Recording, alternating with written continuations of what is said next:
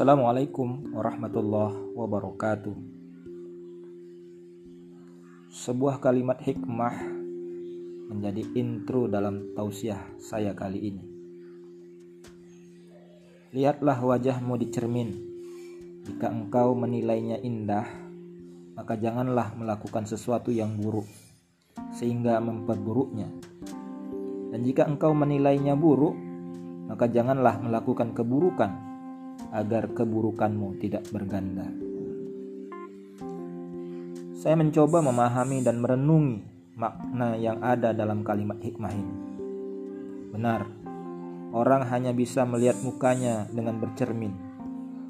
Ia akan tahu apakah ia buruk atau cantik.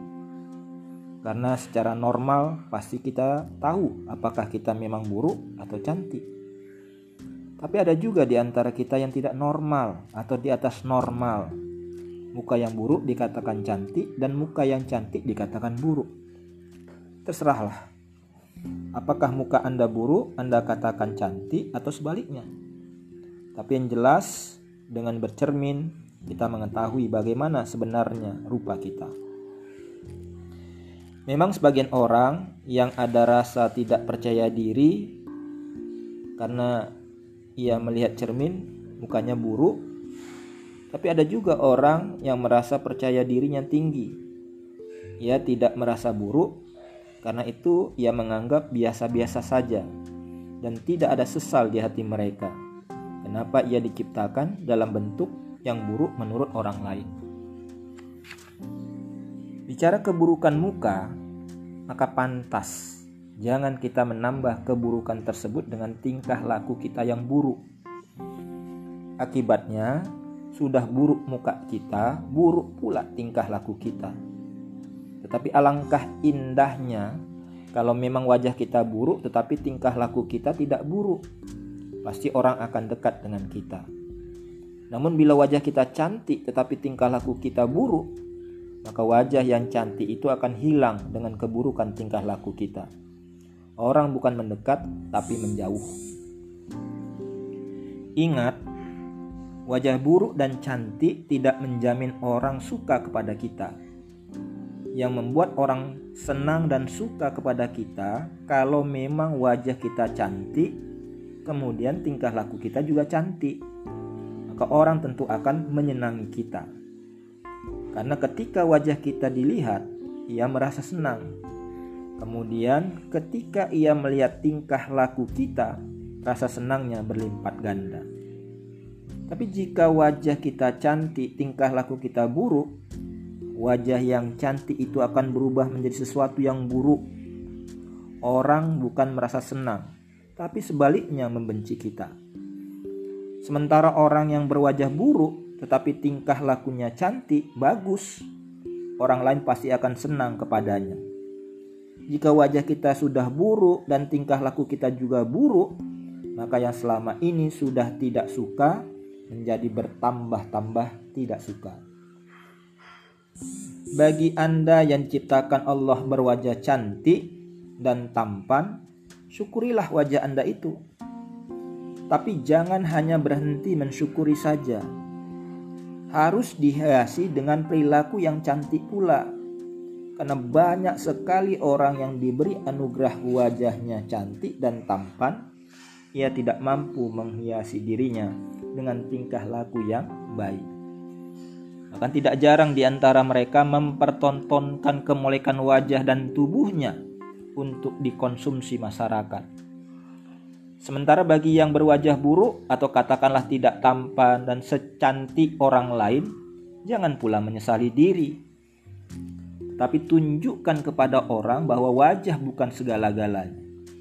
Boleh jadi dengan bahasa yang santun dan tingkah laku yang baik membuat orang merasa lebih enak berdialog dengan Anda daripada dengan orang yang berwajah tampan atau cantik tersebut. Memang, kadang-kadang persoalan wajah orang bisa juga mendapat laknat dan bisa juga mendapat nikmat. Tinggal terserah kepada Anda. Apakah Anda akan mendapat laknat atau nikmat? Coba renungkan hikmah yang diberikan Sa'id bin Urwah. Katanya, "Aku lebih suka mempunyai setengah wajah dan setengah lidah. Kendati wajah tersebut sangat buruk dan kemampuan berbicara tidak ada, daripada bermuka dua dan berlidah dua." Setiap orang ketika berkenalan dimulai dari tatapan wajahnya. Setelah itu dari ucapan dan akhirnya tingkah laku. Mungkin dilihat dari sisi wajah ia menyenangkan. Tapi ketika ia berbicara, bibirnya begitu pedas sehingga kita tidak tahan untuk mendengarnya. Akibatnya, wajah yang cantik itu akan menjadi buruk di hadapan kita. Dalam masalah cermin, ada satu kisah yang menarik yang begitu menginspirasi kita. Kebetulan kisah ini saya dapatkan di salah satu website. Ada sepasang suami istri, sebut saja namanya Tuan dan Nyonya Ridwan.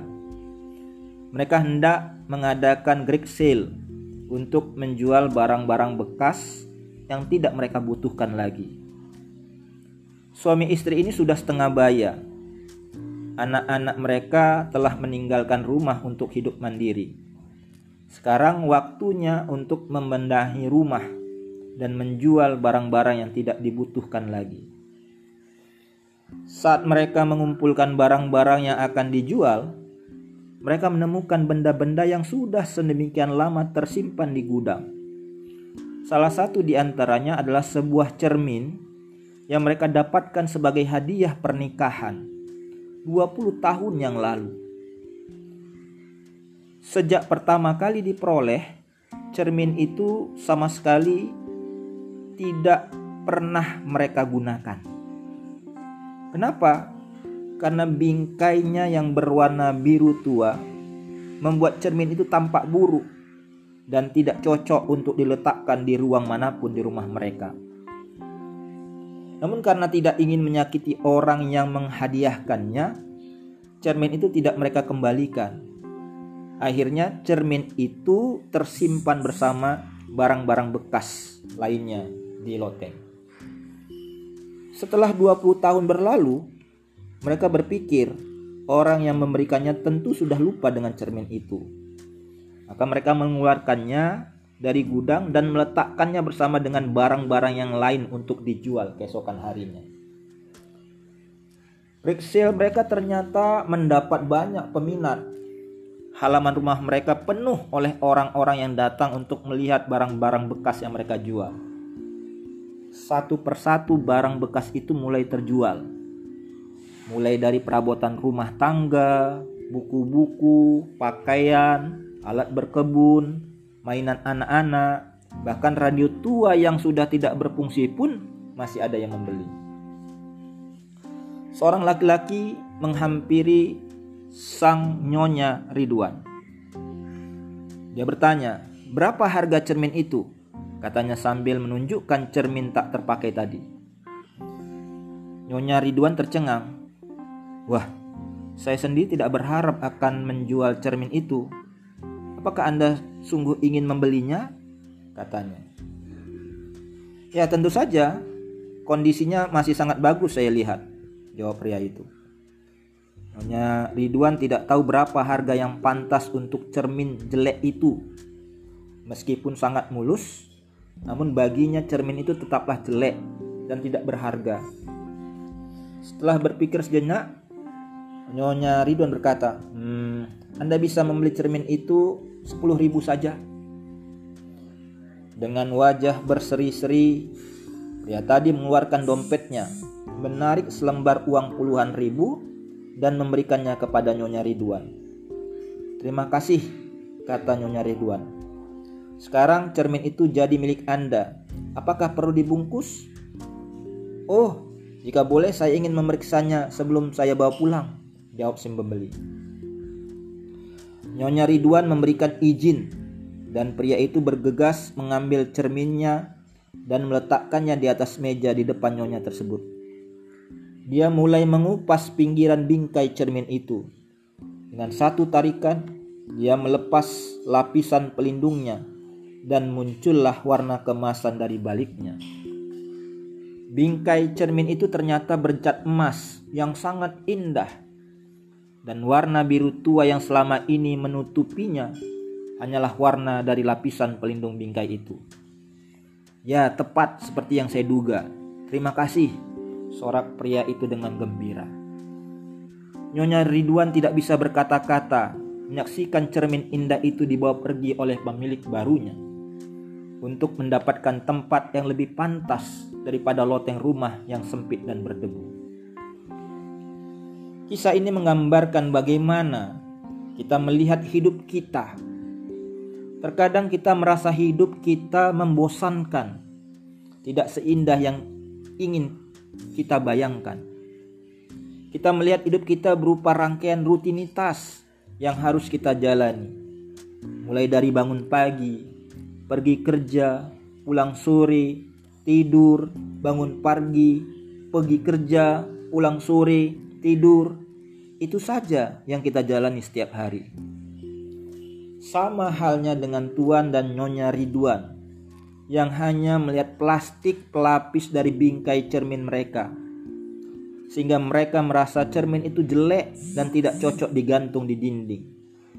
Sesungguhnya di balik lapisan itu ada warna emas yang indah Begitu juga sebenarnya di balik rutinitas hidup kita ada banyak hal yang dapat membuat suasana hati kita menjadi tentram. Mudah-mudahan kisah ini menjadi pelajaran hidup bagi kita. Assalamualaikum warahmatullahi wabarakatuh.